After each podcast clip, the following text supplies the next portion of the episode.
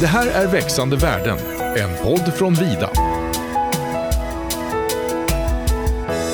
Hej! Idag är det fredag och återigen dags för ett nytt avsnitt av Vidas podd Växande världen. Och podden kommer ju ut med ett nytt avsnitt varannan fredag. Och vi gör den för att du som skogsägare ska kunna öka värdet av din skog. Och jag heter Joanna och idag har jag med mig Claes Arvidsson som är vd för vår emballagetillverkning. Och vi har i andra avsnitt pratat om våra övriga affärsområden och nu är du sist ut Claes. Du kan väl berätta lite om dig själv? Det ska vi försöka. Jag heter alltså Claes Arvidsson ja, och jag bor i Långasjö. Och jag har jobbat på Vida sedan 2008. Och då började jag här i Alvesta på Vida Wood och sen var jag här i något år, två år tror jag. Och sen fick jag lite hastigt och lustigt då ett ny tjänst i, på Vida Packaging hösten 2010 tror jag det. Så att det innebär, vad blir det, 14 år har jag varit då på Vida. Mm. Och eh, innan dess då så är jag väl uppvuxen på ett mindre sågverk i Långasjö. Eh, jag har handlat lite med trä under 10-15 år och sen har jag under en period fick jag möjlighet också då att bygga upp en limfogsfabrik i Skruv. Så man kan väl säga på ett eller annat sätt så har jag jobbat med trä då i hela mitt liv. Och när jag började då, då började man ju redan i, i skolåldern och jobba lite grann. Så att, eh, ja, nog jobbat över 50 år kan man säga, ett halvt sekel med trä. Det känns som du jobbar med din passion då, gör du? Är du skogsägare? Nej, jag äger ingen skog. Men kanske dags för det? Det kanske blir en pensionärs syssla. Ja. Men du berättade lite mer om Vida Packaging. Mm. Ja, det kan man ju fundera på då varför eh, Vida är en stor sågverkskoncern. Men eh, det började väl lite år 2000. Då köpte Vida en fabrik i Hästra. Och där fanns det då ett sågverk och sen fanns det en emballagetillverkning. Och det delades sedan upp då i två olika bolag, ett sågverk och ett emballagetillverkning. Och sen höll man på så. 2003 då köpte man en palltillverkning i Ryd. Eh, för man hade en stor kund som köpte pallkragar men, eh, och även pallar då. Men då hade man inte palltillverkningen utan de pallarna gjordes nere i Ryd och då köpte man en tillverkning. Och sen blev man då lite mer komplett leverantör till den här kunden. Och i den pallen då finns det också en speciell pallkloss, en kompositkloss för att göra pallen mer stark. Och den tillverkades av ett företag i Vetlanda. Och då köpte Vida den fabriken 2004 tror jag då. Och då hade man hela det kompletta sortimentet i egen tillverkning kan man säga. Eh, 2005 köpte man en emballagefabrik i Skruv. Och sen gick man vidare 2007. Då köpte man på våren en fabrik i Österlösta. Det ligger lite söder om Gävle. Och på hösten så köpte man fabrik i Vimmerby. Sen gick man in på lite mer logistiksidan då, så 2008. Då köpte man någonting som heter DSK Emballage uppe i Falun. Och de eh, monterade trummor och tog hand om ett retursystem. 2009 köpte man ytterligare en sån verksamhet då i Estland. Keila heter det. 2012 köpte man en, eh, ett tvätteri kan man säga som tvättar plastemballage då i Borlänge. Och sen 2017 gick vi in ännu mer på logistik då och då började vi med logistiktjänster i Järna utanför Södertälje. 2018 köpte vi en fabrik i Asarum och sen nu i år då så gör vi en jättesatsning uppe i Järna och utökar den verksamheten nästan 70 procent. Allt det här tillsammans då har gjort att vi byggt upp en, under, under ja, sedan 2000 då fram tills idag så har man byggt upp en väldigt stor verksamhet inom emballage och logistik. Så att idag är vi väl störst i Sverige och, och vi är en väldigt komplett leverantör av emballage då med alla de här anläggningarna. Hur många anställda? Vi är, idag är vi nog, om vi räknar in Vida Logistik också då, som är, vi äger 60 procent av dem, så är vi 375 personer som jobbar med emballage på ett eller annat sätt. Och omsättning 2021? Eh, nästan en miljard kronor. Ja, men det är bra. Men du, hur många anläggningar har ni nu? För nu räknar du upp några som inte finns längre, va? Skruv till exempel. Nej, de har ju tagits upp i, i vår verksamhet. Ja. Så just nu har vi sju anläggningar då. Eh, vi har ju Hästra, där är vi ungefär 100 personer. Och där gör vi kabeltrummor och där gör vi pallkragar. Då. Och den ligger precis på samma område som sågverket så där ligger vi vägg i vägg kan man säga och vi får allt trä direkt in från sågverket till oss. Sen har vi en fabrik i Vimmerby då, där är vi ungefär 36 personer och de är väldigt inriktade på pall. Och eh, är vår största pallenhet kan man säga då. Vi har alla typer av pall. Mycket till livsmedelsbranschen, pappersbrukspall och ja, alla typer av pallar kan man säga. Vi har en fabrik i Ryd där vi har 18 personer. Där gör vi då, där har vi en jätteline då som är väldigt duktig på att göra stora serier. Och där har vi en linje med två, tre personer som gör ungefär 200 fall i timmen. Och sen jämte har vi den här komposittillverkningen då där vi tillverkar kompositglasen. Och där ligger vi ju nära då sågverket i Visslanda, Ursult kan man säga, så vi får ju mesta träet ifrån Visslanda ner till Ryd. Vimmerby, det ligger ju nära Hjältevad, så då får vi mycket värre trävaror där. Österlövsta ja, 35 personer, eh, strax söder om Gävle. De gör både lastpall och pallkrage och mycket specialemballage. Och sen kommer vi in på de här logistikbitarna då, det är ju Falun, där monterar vi trummor då, det är med kabeltrummor. Det är ju ganska svårt att skicka monterade, för det är väldigt mycket luft i dem då. Och då innebär det att vi skickar dem som eh, kit kan man säga. Och sen monterar vi dem då ute hos kunden kan man säga. Så just i Falun där vi är 40 personer, och där monterar vi trummor och sen tar vi hand om alla returtrummor med kan man säga. Det finns ett väldigt eh, bra system i Sverige där man Ja, det är som eh, kan man säga returflaskor. Att alla kan returnera en trumma till ett givet pris. Och då tar vi in dem och behöver de repareras så gör vi det. Sen lagrar vi upp dem och skickar in dem i fabriken igen. Så ett ganska smart retursystem kan man säga. Så det spelar ju egentligen ingen roll om vi levererar en ny trumma eller en begagnad trumma utan vi bara ser till att fabriken har en trumma framme vid maskin när de behöver den. Och sen har vi en sån liknande verksamhet i Estland då med 15 personer, de gör precis samma sak. Och sen då det sista, det är det här vi till en stor lastbilstillverkare i Södertälje så sköter vi då hela deras emballagepool kan man säga. Och där kommer vi nu då från efter semestern så växer vi och kommer bli 120 personer där uppe. Och där sköter vi hela deras emballagebehov kan man säga då. Det funkar ju så att en lastbilstillverkare får in massa detaljer från hela världen från olika underleverantörer. Och sen tar man in det till linjerna och sen plockar man ut dem alla de grejerna och kvar står då en pall och pallkrage, lock, plast och massa skräp. Och då hämtar vi den och sen plockar vi isär det, sorterar upp det i olika högar då. Pallar för sig, kragar, lock och allting sånt. Och sen ser vi till då att är det någonting som är sönder, ja då reparerar vi det. Är det plastlåd och plastlock, de kanske behöver tvättas. Så då tvättar vi det och sen plockar vi ut allt igen i ett stort lager. Och sen distribuerar vi det till alla kunder, de underleverantörer de har i hela världen kan man säga. Det låter som ett hållbart system. Det är ett väldigt hållbart system och, och vi sköter då helheten, hela deras emballagebehov kan man säga. Egentligen. Men vad är syftet att ha så många anläggningar? Dels kommer våra kunder väldigt nära. Eh, många av våra kunder har ju anläggningar på flera olika ställen kan man säga. Ja, vi finns i hela södra Sverige så att vi, vi, vi når ju många kunder kan man säga genom att finnas på olika ställen. Sen ligger de ju nästan alla anläggningar nära ett av våra sågverk.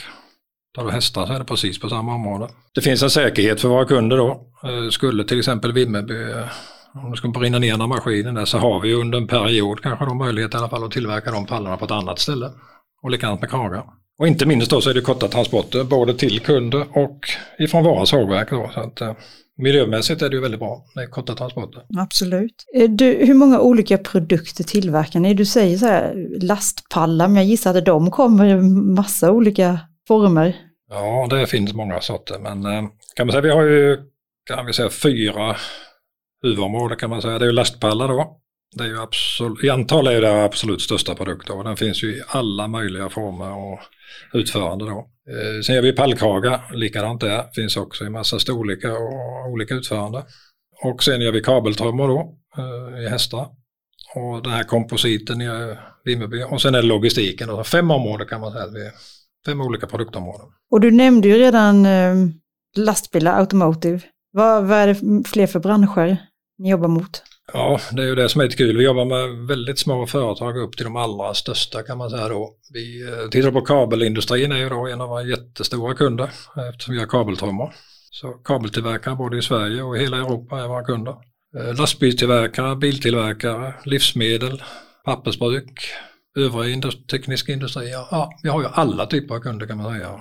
Det är väl en av de grejerna som gör det rätt roligt att jobba med emballage. Då, att man gör för mycket annat och att alla behöver ju någon form av lastbärare oavsett vad du tillverkar. Så vi får ju träffa små kunder, stora kunder, vi får träffa de som gör mat, vi får träffa de som gör högteknologiska grejer, gräsmattor har vi någon som gör. Och, ja, vi får ju träffa nästan alla olika typer av industri som finns. Så det är ju rätt kul.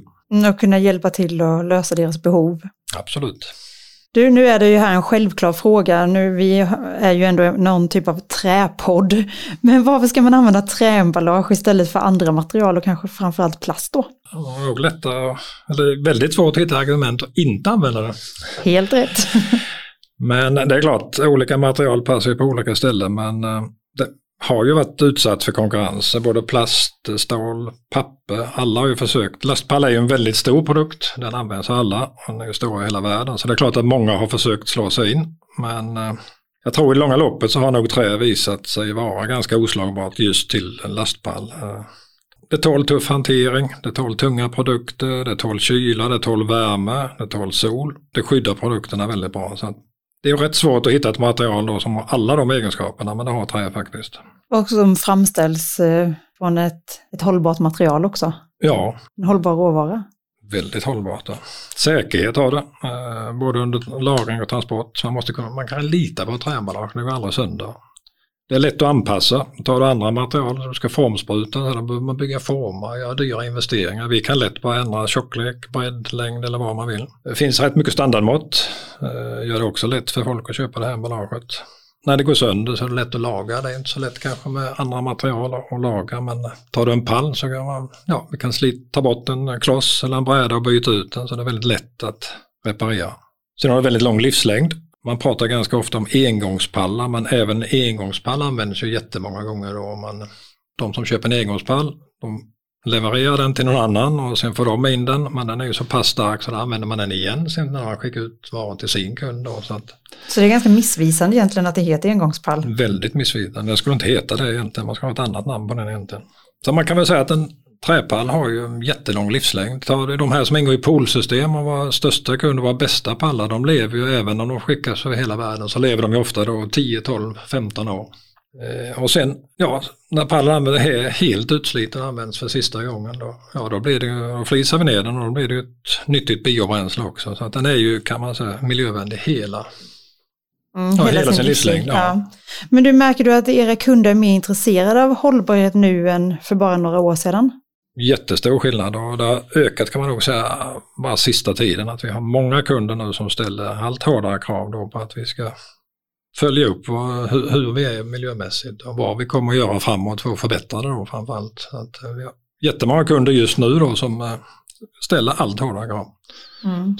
Så det är någonting vi måste börja jobba ännu hårdare med nu. Det är, det är de här miljöbitarna. Och eh, vi hade ju vår koncernchef Måns här för eh, två veckor sedan och han sa ju också det att hållbarhet är någonting som Vida kommer satsa ännu mer på. Men du, träet ni använder, var kommer det ifrån?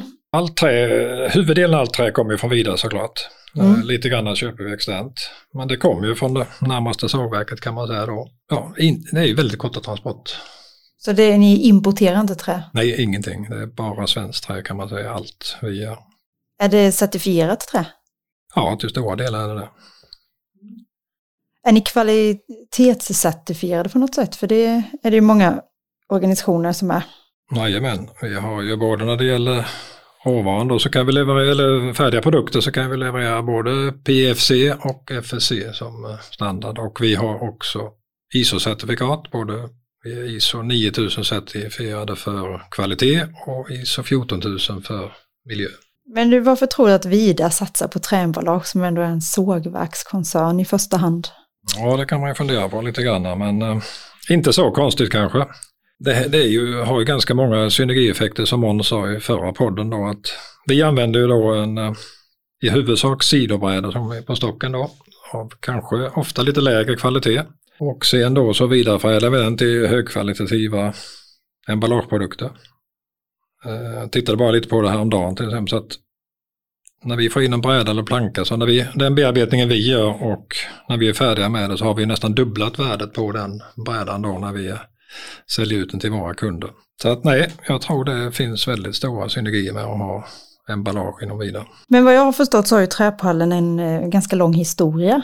Vill du berätta lite om den? Ja, den är inte så självklar. Går man riktigt långt tillbaka så handlastades allting egentligen. Man flyttade, skulle man ha upp det på en lastbil så lastade man för hand. Och så höll det på ganska länge egentligen. Lastpallen kom ju egentligen till Sverige under andra världskriget då i samband med invasionen i Normandie. Då behövde amerikanerna skicka massa med krigsmateriel, förnödenheter och de behövde flytta på det väldigt snabbt. Och då hade man, använde man pallar under dem. Och sen när det var över då så hade man ju lämnat kvar en massa lastpallar.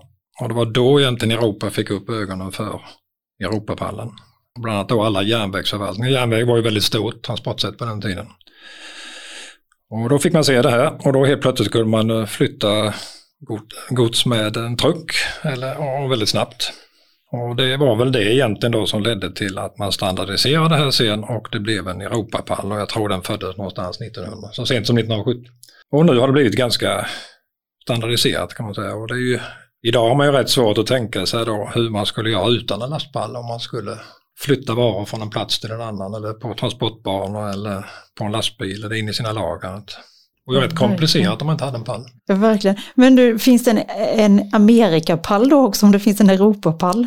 Det finns lite olika standarder, men Europapallen är den största i världen. Det är ju den som eh, finns i de flesta länder och det finns alla kan det, det fungerar som ett stort utbytessystem kan man säga. att eh, Får du in en Europapall så kan du skicka den ut igen och sen får du samma betalt för den. Så det, Okej, så Europapall är en viss storlek då? Det är en viss storlek, den är 1200 gånger 800. Mm. Så det är det mest vanliga förekommande måttet i Europa i alla fall. Men du, nu när den här produkten har sett ut som den har gjort ganska så länge, kommer den alltid se ut så här? Ja, det är en bra fråga. Sker det någon uh, utveckling? Jo, det gör det. Eh, tittar du på trummor så utvecklas de hela tiden, likadant pallkragar. Lastpallen behöver göra det, för det är väl det som är nackdelen med lastpall. Och tittar du på trummor så, så exporterar vi den över hela världen. Men lastpallen är ju lite svårare, för det är ganska mycket luft man flyttar då. Uh, ganska, ganska, eh, tar mycket plats. det är väl någonting man kan titta på i framtiden om det finns alla har försökt, många har försökt. Än har vi inte hittat någon lösning, men kanske någon gång i framtiden kan man hitta någon lösning på det också. Du, vad står Vida Packaging inför för utmaningar? Vi har haft ganska hård konkurrens kan man nog säga under många år. Här i Sverige har vi varit duktiga på att tillverka emballage av torkat trä av bra kvalitet. Men ute i Europa har man då använt eh, otorkat trä som ger lite nackdelar då. Det kan bli mögel, det kan bli andra problem. Men, eh, så det har varit en utmaning många gånger då att möta rent prismässigt. Men det tror vi håller på att vända då. Vi hör allt fler kunder då som vill ha lite bättre pall. Man har, kanske under pandemin här då så har det ju varit väldigt brist på emballage kan man säga. Det har varit en enorm efterfrågan. En Europapall har ju exempelvis då nästan stigit tre gånger i värde. Fortfarande billig jämfört med många andra material men eh, så det har ju gjort att eh, man har fått upp ögonen för det här och ser att pallen kanske, ja, den kanske har ett lite högre värde trots allt än vad man har sett tidigare. Så det tror vi är bra för framtiden. Men också inhemsk produktion. Vad, hur, vad betyder det att, in, att, att fortfarande ha tillverkningen i Sverige? Vad tänker du på? Ja, men istället för att importera lastpallar från Kina. Nej, det tror vi inte mycket på. Men, eh, Nej, vi tror det är bra att tillverka i Sverige. Sen kanske vi i framtiden, men vet, vi kanske växer på att etablera någonting utomlands. Men eh, just nu tror vi det är bra. Och vi, ser på trummorna till exempel, nu har vi börjat exportera rätt mycket sista åren och man uppskattar vår kvalitet och vår eh, service. Så att, nej, jag tror det finns stora fördelar med att ligga i en produktion här. Du, vi ska ta och ringa upp Ann-Charlotte Wiget som jobbar som projektledare på Svenskt Trä. Hej Ann-Charlotte! Kan inte du börja med att presentera dig själv och vad du har för bakgrund inom träemballagebranschen? Ja, jag har ju jobbat i drygt 30 år faktiskt i, med skogsbruk och trävaror i olika former. Och längsta tiden är på AB Karledin där jag har varit då VD för deras emballagebolag i drygt 10 år. Och just nu så är jag då egen företagare så att jag har några styrelseuppdrag och sen så gör jag en del projekt både inom byggvaruhandel och träförpackningar. Och ett av dem är då för Svenskt Trä. Där jag då jobbar med standardisering och lagstiftning för att vi ska försöka fånga upp hur vi kan ja, agera på bästa möjliga sätt i branschen. Då. Varför skulle du säga att skogsägare bör vara intresserade av träemballage och den branschen? Ja, jag tänker att ungefär 10 procent av det som sågas i Sverige på något sätt blir en träförpackning. Mm. Antingen att det tillverkas en träförpackning i Sverige eller att det blir då ett förpackningsvirke som eh, exporteras till andra länder. Och eh, förpackningen den bidrar ju då till att höja utby utbytet i stocken och det ger ju då ett bättre värde då tillbaka till skogsägaren. Och det finns ju även särskilda sortiment då för träförpackningar, även som timmersortiment och så. så det är ändå en, eh, en, en viktig del i ekonomin på skogen. En del av inkomsten för skogsägaren? Ja, mm. absolut. Men hur ser den svenska emballagetillverkningen ut i stora drag? Vi har fått reda på här hur Vida Packaging ser ut, men vi är ju tyvärr inte riktigt själva på marknaden. Nej, men eh, jag ska inte säga snart. men det är ju faktiskt en eh, strukturrationalisering som sker. Det har ju varit väldigt mycket familjeföretag som då har växt upp kring en stor industri och sen har man då haft ett upptagningsområde på kanske 10 mil då, där man då har försörjt någon viktig huvudkund. Då. Och det blir väl, de familjeföretagen blir ju uppköpta eller på andra sätt då, så går de in i de här större företagen. Och det beror ju eh, mycket på de krav som idag ställs på industrin. Att man då både ska klara långa betalningstider och det ska vara kvalitetscertifieringar och man ska kunna garantera leveranser i både upp och nedgång. Så blir det svårt att vara ett litet företag med bara någon enstaka kund helt enkelt.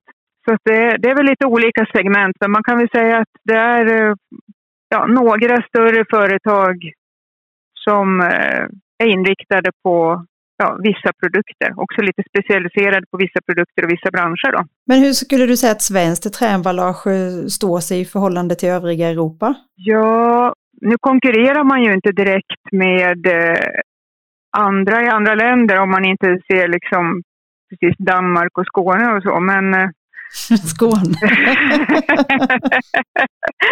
Men annars så är det, om man säger den tyska industrin är ganska lik den svenska skulle jag säga.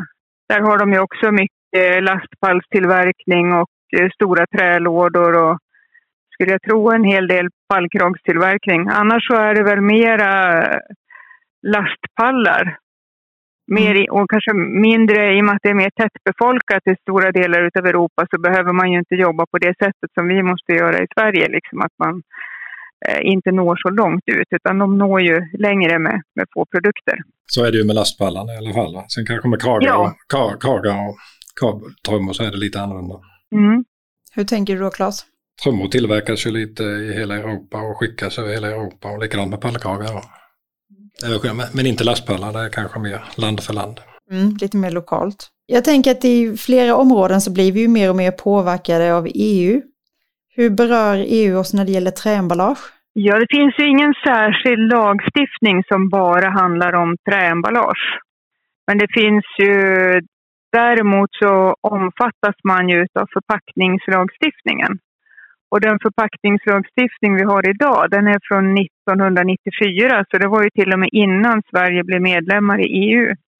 Och nu kommer det att bli en ny lagstiftning som troligen kommer att gälla från och med 2023. Den har väl blivit lite försenad. Det är ganska komplext det här när man då ska hantera alla olika material och vad som är, vad som är bästa lösningar för vart och ett av dem. Men det är klart att det blir ett väldigt stort fokus på plast eftersom det är en stor del av det som blir ja, nedskräpat och, och så. Så på så vis så kommer ju träförpackningar att omfattas av det här nya förpackningsdirektivet. Och det är mycket av de här tankarna kring den nya lagstiftningen som är väldigt bra. Det är ju att man ska öka återvinningen och man ska minska nedskräpningen. Men däremot så blir ju lösningarna inte anpassade efter svenska förhållanden i och med att vår industri ser ganska annorlunda ut mot resten av Europa. Vi har ju en industri med, med större emballage som är inriktade mot, mot industrin egentligen med lastpallar och trälådor och så. Eh, medan man kanske längre söderut i Europa så har man fruktkorgar, ostaskar och mer sådana konsumentförpackningar för hushåll. Det har vi ju ingenting utav.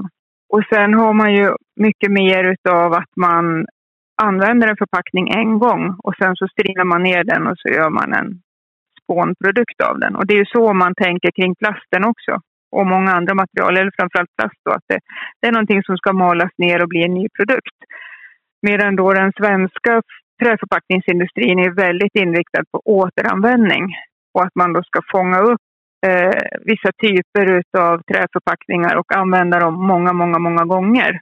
Och sen är de ju då så pass förslitna då att de kanske inte lämpar sig för materialåtervinning utan då blir det energi till slut. Då. Och det där fångas inte riktigt upp, eh, tycker jag då, i, i det vi har sett hittills. Utan vi mäts fortfarande efter hur mycket vi materialåtervinner och så säger man då att Sverige klarar inte målet för det. Eh, och då skulle det ungefär vara bättre att vi, vi tog en träpall och använde den och malde ner den istället för att som nu när vi återanvänder den så många gånger som är då egentligen en, en bättre form av återvinning. Okej, och hur jobbar Svenskt Trä då för att bemöta det? Ja, vi, vi jobbar väl med, det är liksom lite för sent när det har blivit en lag eller är ett lagförslag och det går på remiss redan. Då blir det ju mera kommatecken och så som man kan ändra på. Så vi har väl insett att man behöver jobba via standardiseringen och det är ju där i standardiseringsprocesserna då man har möjlighet att komma in som expert eller eh, komma in med sina synpunkter till de här expertgrupperna som då till exempel EU-kommissionen tar hjälp av. Och då ligger man ju några år före själva lagstiftningen. Och då är det mycket lättare att få gensvar för sina synpunkter. Men har, det är det vi försöker göra. Mm. Har vi eh, personal på plats i Bryssel eller? Och med vi menar jag skogsindustrierna. Ja, skogsindustrierna har ju i och för sig eh, bemanning på plats, men inte just kring träförpackningar faktiskt. Men de kan ju lite grann följa vad det är som händer och så får man ha en dialog med då de som är på plats. Men det är som sagt, det är sent när det är lagstiftning utan det, man måste nog vara ute ännu, ännu, ännu tidigare. Och det är ju egentligen inte att man behöver sitta i Bryssel heller utan det är ju att, eh, ja, att vara med på rätt sätt i rätt tid. Men hur kommer detta påverka oss då tror du? Att, vi, att det är bättre egentligen att eh, mala ner än att återvinna. Det känns ju spontant som en dålig idé. Jag hoppas att det kommer att bli så att, att det är så det är nu när vi är liksom i det här mellanläget mellan den nya och den gamla lagstiftningen. Så att när det här förpackningsdirektivet träder i kraft nu 2023 eller 2024, att man då kommer att kunna få med sig det att vi får räkna på återanvändningen så att vi kan tillgodogöra oss den mm. småningom. Då. Så jag hoppas verkligen det. Men hur står sig svenska eh, förpackningar med tanke på nya lagar kring återvinning och återanvändning? Alltså hur mycket, hur mycket återvinner vi och återanvänder? Har vi procent på det? Ja, det är igen då hur man räknar då. Så som vi har fått räkna tidigare, då har vi ju fått tillgodogöra oss eh, allting som vi återanvänder. Och då har vi ju legat på över 50 procent. Och vad är måltalet? Och, eh, det är väl 15-20. Men tittar vi bara på materialåtervinning då klarar vi inte 15-20 heller. Eftersom vi har ingen spånskiveindustri i Sverige och det blir, det liksom, vi har det, ja, det ser ut på ett annat sätt. Då. Men du, när det gäller standardisering och forskning, hur ser det ut där på träemballage? Ja, eh, jag uppfattar nog själv att eh, det var mer resurser som avsattes på träforskning då på, om jag går tillbaka till 80-90-talet än vad det görs idag. I alla fall på träförpackningar jobbade man mer med sån utveckling än vad jag tycker att det görs idag. Och när det gäller standardisering då bevakar vi ju de grupperna där man då eh, tittar på det här med förpackningar och miljö. Så där är vi ju representerade då. Men sen kan det ju då dyka upp frågor som berör branschen även i byggvarustandardisering eller inom andra områden. Så det är ganska svårt att överblicka. Ser du någon utvecklingspotential för träemballage eller är vi liksom i hamn? Nej, en stor utvecklingsmöjlighet är väl att se till att man inte har så stora läckage som man har nu i flödena. Det är mm. ju väldigt mycket återvinningsbara produkter som inte kommer tillbaka. Liksom. De fastnar någonstans. Just det, man, spåra dem ja, att kunna spåra dem på bättre. Sen är det ju så, man kan ju säga att jo, men förpackningarna har sett likadana ut, men det är ju också det som är en styrka i de här returflödena.